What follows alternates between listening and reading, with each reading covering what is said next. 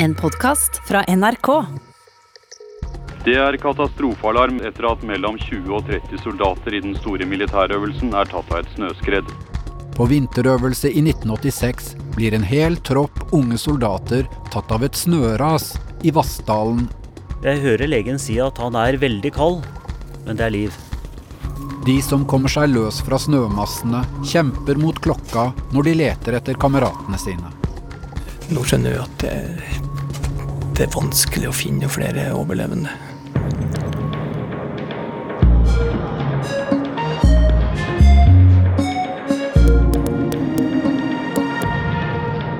Du hører på hele historien 'Snøskredet i Vassdalen' av Kaja Frøysa. Del to av fire.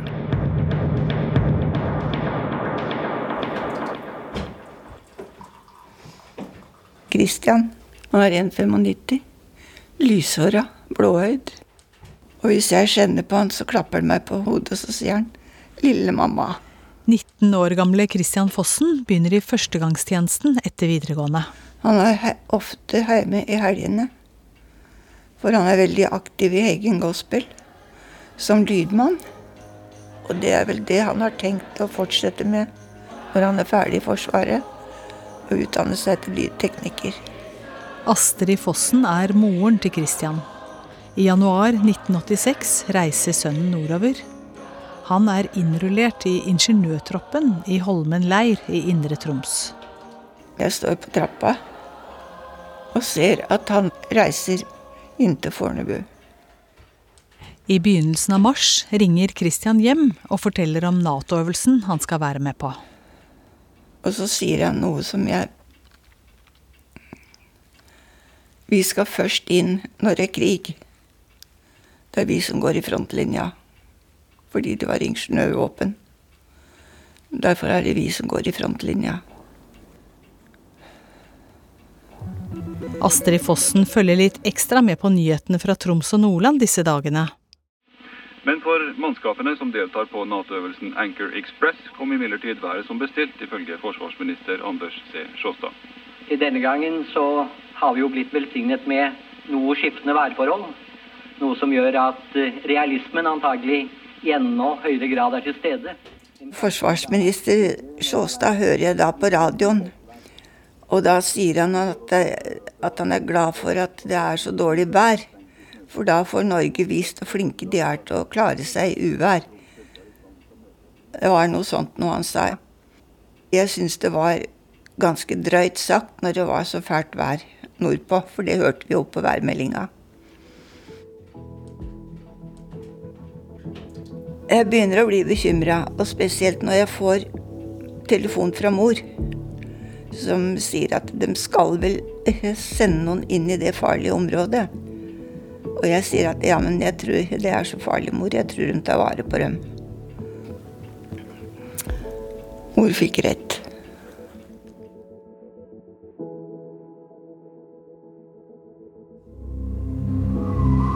Akkurat opp av, av den grøften vi på en måte gravde, traseen vi gravde. Og da hører jeg bare et drønn i, bak meg, og så blir jeg truffet i ryggen av noe. Jonny Kjønaas blir dratt med nedover fjellsiden sammen med enorme mengder med snø. Klokken er 13.05. Og føler vel at jeg har snø både, både over og under meg. da. Og så stopper det raset opp til slutt. Det blir helt stille. Jonny klarer ikke å komme seg løs fra snøen. Og da sitter jeg da fast med, med en fot og en arm. Det er så kompakt at det er ikke kjangs å komme seg løs uh, sjøl. Han ser seg rundt. Om etter hvert også ser seg om etter de andre, andre soldatene der, for å sånn å komme opp. Noen av soldatene har kommet seg løs og begynner å grave i den kompakte snøen med bare hendene og brukne skistaver som de finner. Så der eh, blir jeg med å grave, da. Og kanskje det går en halvtimes tid. Sånn, Så finner de en. finner ansiktet hans og, og, og skjønner at han lever. Da raset løsnet, var snøen helt løs. Nå har den lagt seg som et syv meter høyt og 100 meter bredt teppe.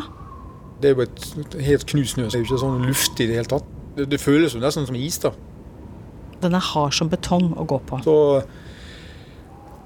går jeg videre med å, prøve å finne tak i disse andre skader. Der er flere som er skadet. Der er en med, med, som har punktert lunge, som sliter litt med å puste. Det er en som har kollidert med et uh, tre, og som på en måte har skader i nærheten av, av øyet. Vi holdt vel på en times tid, jeg tror, før det kom noe eh, hjelp utenfra. Erik Hære er en av dem som har kommet seg løs. Han og de andre overlevende jobber mot klokka. Så da gikk jo mye tida med til å grava fram de vi fant, og leite etter flere hele tida. Det var jo ei tett, hardpakka overflate som vi så der. og å begynne å leite på et så stort område det var jo ganske håpløst.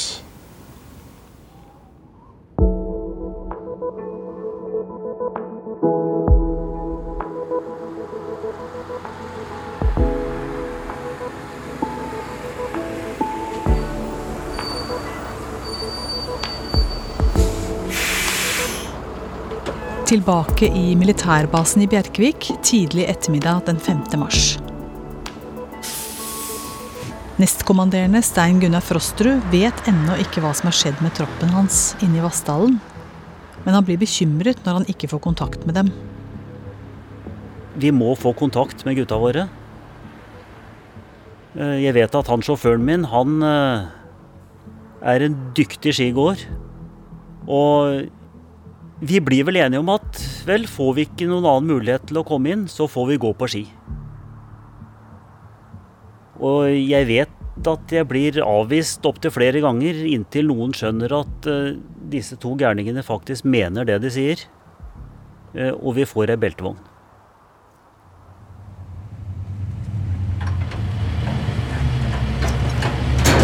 Han henter varm drikke, men han får ikke med seg søkestenger. Så vi tar med oss den varme drikka, setter bak i beltevogna og begynner å kjøre innover langs traseen.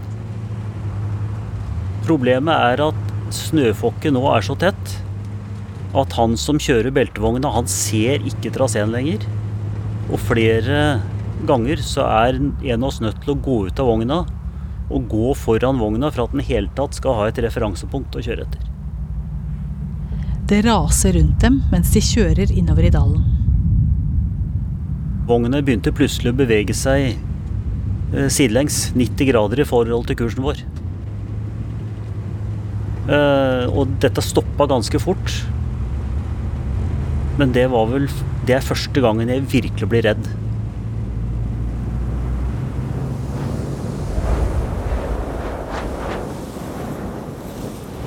Samtidig har Eivind Håvin med skadet fot løpt ut av dalen for å varsle. Når han kommer fram til en vaktpost ved et telt, roper han ut at han trenger hjelp til å redde medsoldatene som ligger begravd inne i Vassdalen. Jeg tror ikke han reagerer sånn med en gang. Jeg tror Han blir, vel, han blir helt sikkert overraska. Eh, så jeg tror jeg må si det en gang til, at det har gått et skred. Jeg blir stående utafor. Og jeg hører han prater og er litt forsiktig. Sekundene går, og Eivind vet at det står om livet for kameratene inne i Vassdalen. Så jeg tar tak i teltduken og rister skikkelig i den teltduken. Og går inn i teltet. Snakker høyt, altså, så jeg får Og der er det en lagfører som jeg da får fortalt det her til. Han har jo da radiosamband, så han uh, tar og melder på radioen uh, til neste trinn. Klokken er 13.40 når alarmen går. Det er 35 minutter siden raset har gått.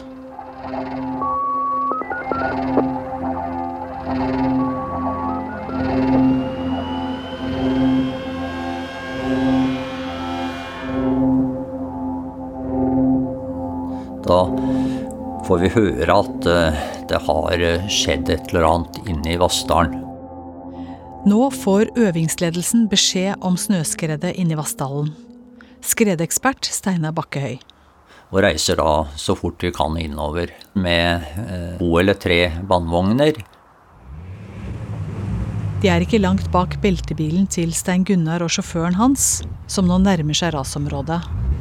De vet ennå ikke hva som har skjedd. Snøfåken er så tett, vi ser ingenting rundt oss. Vi aner ikke om det er fjellsider eller hva som er rundt oss. Jeg, jeg ser store snøflater. Når Stein Gunnar kommer fram til ulykkesstedet, skjønner han først ikke hva det er som har skjedd. Noen av soldatene mine står uten ordentlig utstyr på seg i små grupper. Og jeg ser tydelig at noe har skjedd, og vi får vite at det har gått et skred. Et hvitt kaos. Et hvitt mareritt.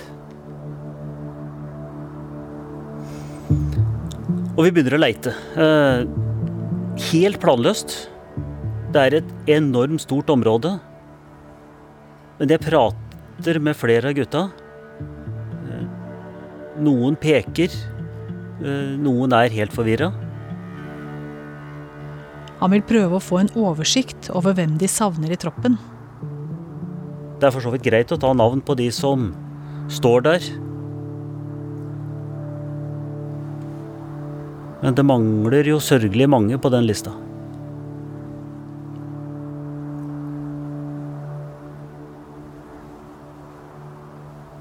Vi skal ha opp flest mulig av gutta våre i live.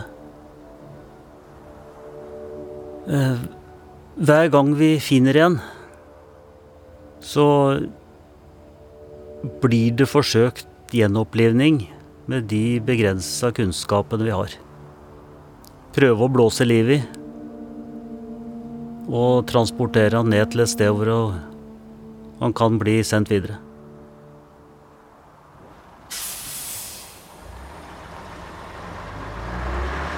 Ved Øse, bare noen kilometer fra Bjerkvik og Vassdalen, er det strålende sol og vindstille. Lagfører Roar Hugnes er en av flere vernepliktige i området som forbereder seg til at den store Nato-øvelsen skal starte. De henger rundt teltene og venter. Vi må komme ned på et sånt samlingspunkt eh, like nedafor eh, teltleiren. Klokka har nå blitt to på ettermiddagen, og det er én time siden raset gikk. Og der får vi beskjed om at eh, det har gått et snøras. Så fikk vi de her søkestavene eh, som er nærmest som ei lang teltstang på fem meter. Sammenlagt, da. Sammenbretta. Vi får ikke noe beskjed om hvor det er hen, bare at vi skal bli flydd inn med helikopter. Og min første tanke er at det her er sikkert en del av øvelsen. Hvis nå skal vi øve i å gjennomføre et søk i et snøras.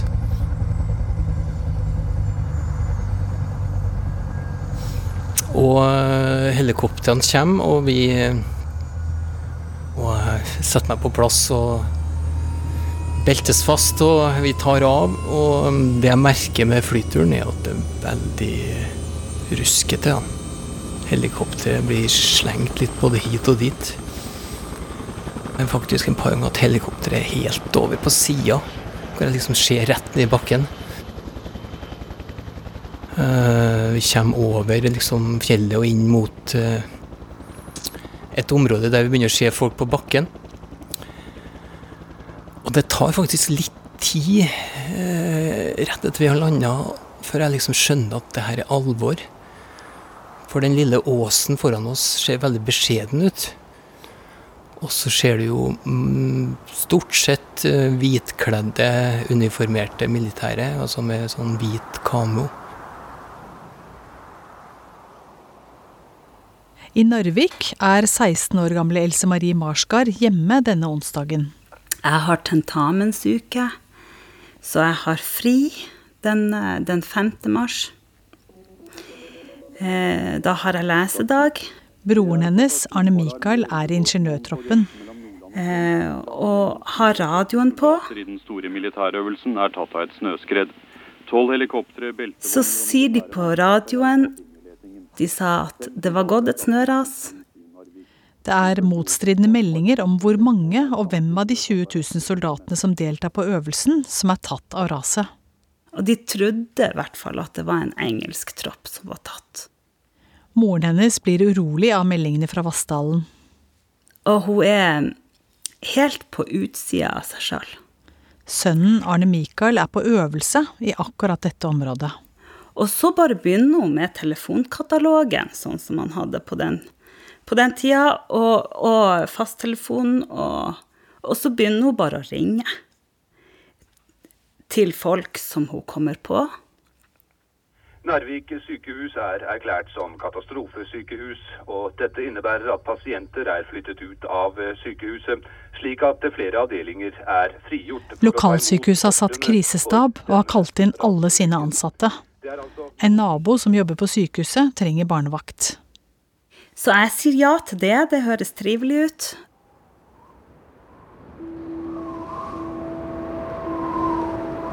Roar og troppen han tilhører, er den eneste troppen fra Maugstadmoen leir på Skjold som blir sendt inn i rasområdet for å lete.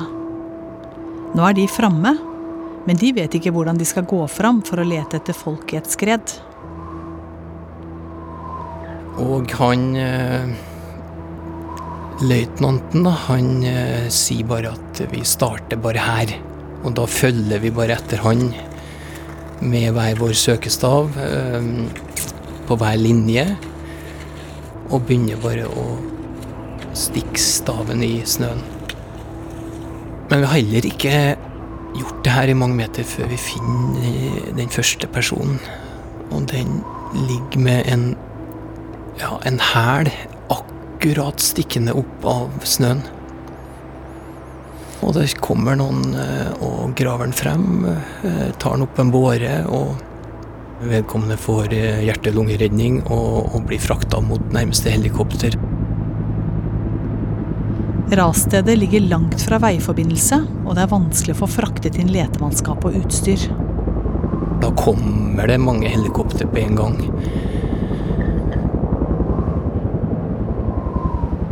Der og da vet vi ikke om vedkommende er død, eller om han bare er bevisstløs, eller om eh, han eh, kommer til å overleve, da.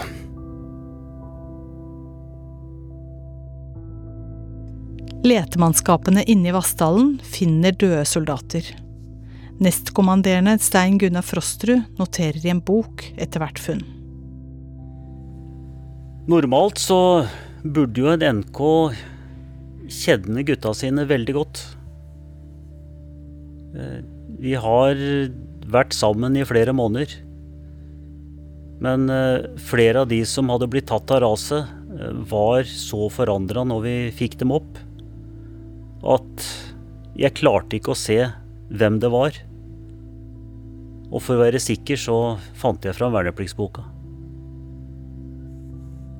Den ligger i den ene lårlomma på buksa. Eh, Jeg hadde en lommekniv hvor jeg rett og slett spretta opp eh, kamuflasjebuksa og uniformsbuksa for å komme til vernepliktsboka. Alle som blir funnet, blir undersøkt av lege på stedet. En av dem er Arne Mikael Marskar.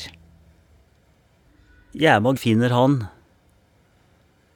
og, og innser at han er en av de som omkommer.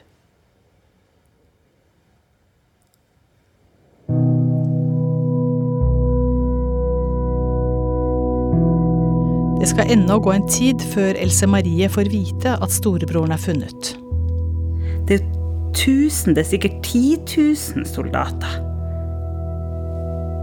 Hva er sannsynligheten for at det skulle være han? Jeg har vel kanskje òg litt forventa at hvis det skulle skje noe fælt med noen nær meg, at jeg skulle merke det. Men det, det gjorde jeg ikke.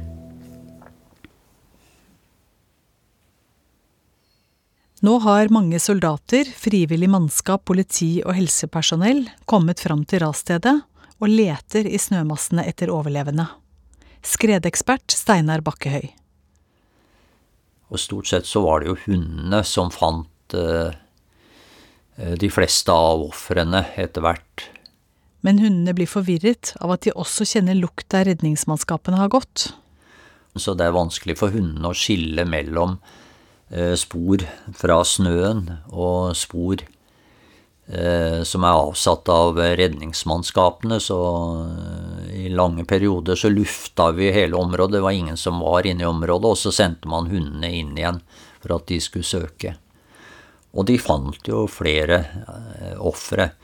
Noen lå ikke så veldig langt nede i snøen heller. Det var noen som eh, hadde en halvmeter snø over seg.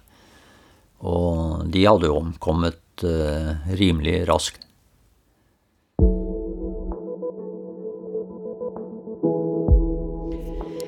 I Vikersund har Astrid Fossen og mannen fått høre om raset på radioen. Men ingen kan svare på om det er troppen til sønnen Christian som er rammet. Og så kommer fastlegen, som òg er en venn av oss. Og så sier han 'Astrid, har du sovet nå?' 'Nei', sier jeg. 'Ja, sove må du, skal du greie å takle dette her'. Så han sørger for at jeg får noe å sove på. Men det er ikke lett. Så natta etter ligger jeg og våken.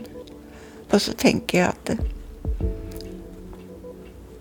hvis Kristian er borte, så kommer presten i morgen tidlig. Inne i Vassdalen blir håp om å finne overlevende mindre for hvert minutt som går. Nå har det gått nesten tre timer siden raset. Ja, vi har jo øh, søkt nå da i flere omganger helt på høyre side av raset. Roar og de andre letemannskapene går i rekke med søkestavene. Og nå nærmer vi oss eh, ja, ei beltevogn fra Forsvaret som eh, stikker litt opp av snøen. Deler av beltevogna ligger strødd rundt i snøen. Det er bare beltene med motoren som står igjen. Alt over gulvet er borte. Men når vi kommer til bandvogna, da, så må vi liksom søke litt rundt vogna. Passere snuten på førerhuset. På baksida av eh, bandvogna så er det nok snøen merkbart litt løsere. Jeg merker at, eh, at det er litt lettere å stikke staven lenger ned uten å møte den her motstanden som eh, jeg har følt tidligere. En medsoldat er borti noe med søkestangen. Og så stikker jeg sjøl min egen søkestav nedi, og den fjærer noe voldsomt. På tre-fire meter, kanskje. Uh, og åpenbart er det ikke snø. Det er, det, her må det være en person under. Den fjerde er kanskje fem til ti centimeter opp og ned. Det er beltevognsjåfør Morten Karlsen som ligger begravet i en liten luftlomme rett nedenfor beltevogna. Og da snur jeg meg og, og roper etter graving. Høy, her er det noe. Kom og grav. Og da må jeg sette igjen min uh, søkestav. Jeg får uh, utlevert en ny umiddelbart, og vi uh, går videre med letinga. Men så hører jeg plutselig et voldsomt kauk bak meg. En, en person som blir gravd frem og, og roper noe uforståelig. Ja, Nesten som om han taler i tunger. Stein Gunnar er like ved. Det er en slags uh, stønning, uh, lavt brøl. Uh. Han brøler og, og, og, slår nærmest rundt seg. Åh, og da blir det jo en enorm følelse vi får i kroppen, vi som går der og leter. Vi, yes, vi, vi finner en som er i live. Er det mulig? Hittil har vi funnet ja, fire-fem helt livløse. Men endelig er det en som, som gir lyd ifra seg. Det har gått tre timer siden raset gikk, når Morten Karlsen blir funnet. Jeg hører legen si at han er veldig kald, men det er liv. De blir jo fortløpende tatt hånd om og lagt på båre. og Morten blir evakuert med helikopter ut av rasområdet. De som har funnet ham, vet ikke om han overlever. Vi flyttes litt opp i bakken etter hvert òg. Der eh, hjelper jeg til å grave ut en som er veldig langt ned i snøen. Kjempelangt ned i snøen, og det er helt umulig å få frigjort vedkommende.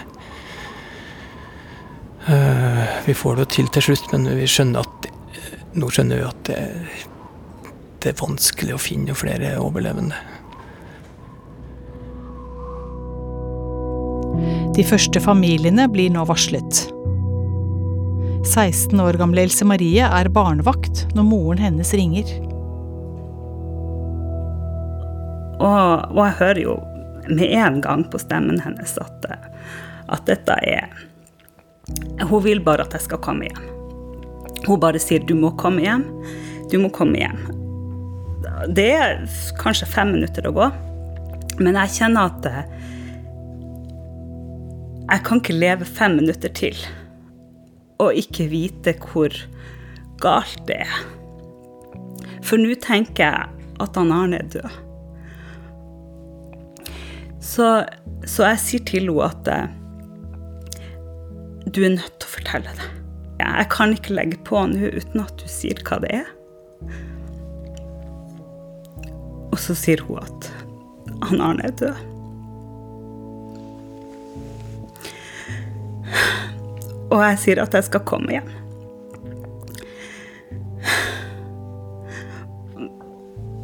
Og så springer jeg hele veien hjem.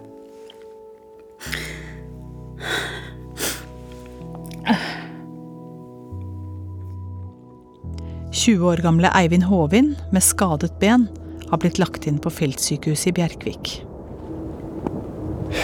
Ligger der aleine med masse tanker. Veldig urolig natt. Han er eneste befal som har overlevd raset, og er skjermet fra de andre soldatene. Det er et forferdelig uvær. Det er sånne oppblåste buer på, på de her telta. Og når den vinden får tak, det smeller. Så jeg tror jo det kommer ras hele tida. Jeg er redd. Jeg husker jeg er redd for at jeg får skylda for ulykka. Fra gutta. Jeg er livredd. Jeg tror jeg bare holder meg for meg sjøl i senga der. Eh, det er noen som på sjukehuset som kommer og prater med meg. Eh, presenterer seg som psykolog og, og sånn, men det prøver å få til noe prat. Jeg kan ikke huske at vi prata noe fornuftig sammen i det hele tatt. Ved midnatt er det ni soldater som er funnet omkommet, og det er fortsatt flere som er savnet. Og foreldrene mine da sier at eh, han Arne er på sykehuset, og, og vi, skal, vi drar på sykehuset og besøker han. Vi blir tatt imot der, og så blir vi tatt eh, inn på et rom hvor han Arne ligger. Der er han jo. Og han eh, Han ser helt ut som seg sjøl. Så han sover bare. Og han er så fin. Og Og så når jeg tar på han og stryker han på kinnet, og så er han helt iskald. Og så er han jo ikke der. Så vi, vi er hos han Arne en stund. Og så, og så sier foreldrene mine at, at vi må dra. Og det Det å dra fra han da, det føltes som et svik. Ute på rasområdet blir det mørkt, men hele leteområdet er opplyst. Eh, Det er aggregater og lyskastere. Så det, det har kommet inn en del utstyr. Nestkommanderende Stein Gunnar Frostrud er på plass gjennom hele natten. Vi forsøker å holde best mulig liv og humør oppe. Det har kommet inn eh, noen telt. Vi skifter litt på å være i teltet. Eh, det blir forsøkt å tedde bål. Eh, men med så mye snøfokk så er det veldig vanskelig å finne noe som kan brenne. Men vi, vi brant jo noen av de skiene vi fant. Soldatenes treski ligger spredt rundt i rasområdet. Vi har vel ikke all verden med mat og drikke, men vi deler det som er. Eh, jeg kom jo på at jeg har Jeg hadde satt sekken min oppi beltevogna mi før de reiste ut. For jeg visste jo at jeg skulle ut og avløse troppssjefen. Eh, I den sekken så hadde jeg både en termos og en matpakke. Den var jeg oppe og fant, og jeg vet at den matpakka ble delt med to veldig unge Røde Kors-representanter. De frivillige hjelpemannskapene jobber hele natten sammen med soldatene. Uh, vi hadde en pause midt på natta, og den pausen den uh, begrunna seg da i at vi måtte hvile ut lavinehundene. Og uh, vi var også avhengig av at mannskapene fikk lov til å ta seg en pust i bakken. Og vi, vi, sitter fortsatt en gjeng der inne og uh, vet at vi skal bli der til i morgen tidlig.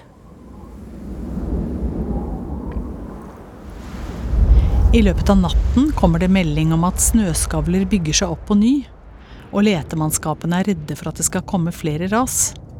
Laget til Roar Hugnes blir kommandert til å sitte skredvakt øverst i den synlige delen av raset. De sitter to og to av gangen. Eh, så vi tråkker oppover i djupsnøen, vil jeg si, overfor raset. Roar er med på første vakta. Fra vaktposten ser han ned på rasområdet. Eh, med oss har vi fått to ullpledd og én signalpistol med to signalskudd. Og vår eneste oppgave er å lytte etter mulig nye ras som kommer, eller ikke kommer. Og det blåser sånn på tvers at uh, i løpet av et minutt eller to så har vi 30 cm med snø oppå det ene ullpleddet. Det andre ullpleddet har vi under oss. Vi sitter tett to og to hver time gjennom natta. Og diskusjonen går om Hører du noe, du, eller? Er det nytt ras? Er, er, er, det Hva er den lyden der? Hva er det Du er livredd for å uh, sende av gårde et skudd for tidlig. Du er også livredd for å bli tatt av raset uten å rekke å varsle. Og så er du også livredd for at kommer raset nå, så ofrer jeg livet mitt. Du har ikke kjangs til å springe unna hvis raset først kommer på nytt samme veien. Det kommer ikke flere ras, og dagen etter blir troppen til Roar fraktet ut av rasområdet. Hele Nato-øvelsen er nå avblåst, og journalister får slippe inn i rasområdet for første gang. Eh, nederst er raset omkring 200 meter bredt. Jeg har vært og gått oppå raset, og det er veldig, veldig kompakt. Det er nærmest eh, så hardt å gå på som betong. Eh, inne i selve skredområdet søkes det nå med hunder, mens hjelpekorpsfolkene som er her, prøver å varme seg og gjøre klar til en, et nytt søk med sondestenger. Men fortsatt skal det gå flere dager før Astrid Fossen får vite hvordan det har gått med sønnen Christian. Og presten kommer. Det er klokka sju-åtte på morgenen. Han kommer inn, og så sier han at uh, Jeg må bare fortelle dere Christian er savna. Det er torsdag 6. mars. 13 soldater er funnet omkommet. 15 har enten klart å komme seg løs av snøen selv, eller blitt gravd fram av kameratene og de første letemannskapene. Noen av dem har alvorlige skader. Men fortsatt er Christian og to andre ikke funnet. Kanskje han har gått seg bort. Kanskje han er et annet sted. Kanskje han har havna på sjukehus uten at du veit hvem det er. Men da var det en realitet at Kristian var savna. Så da var det bare å vente.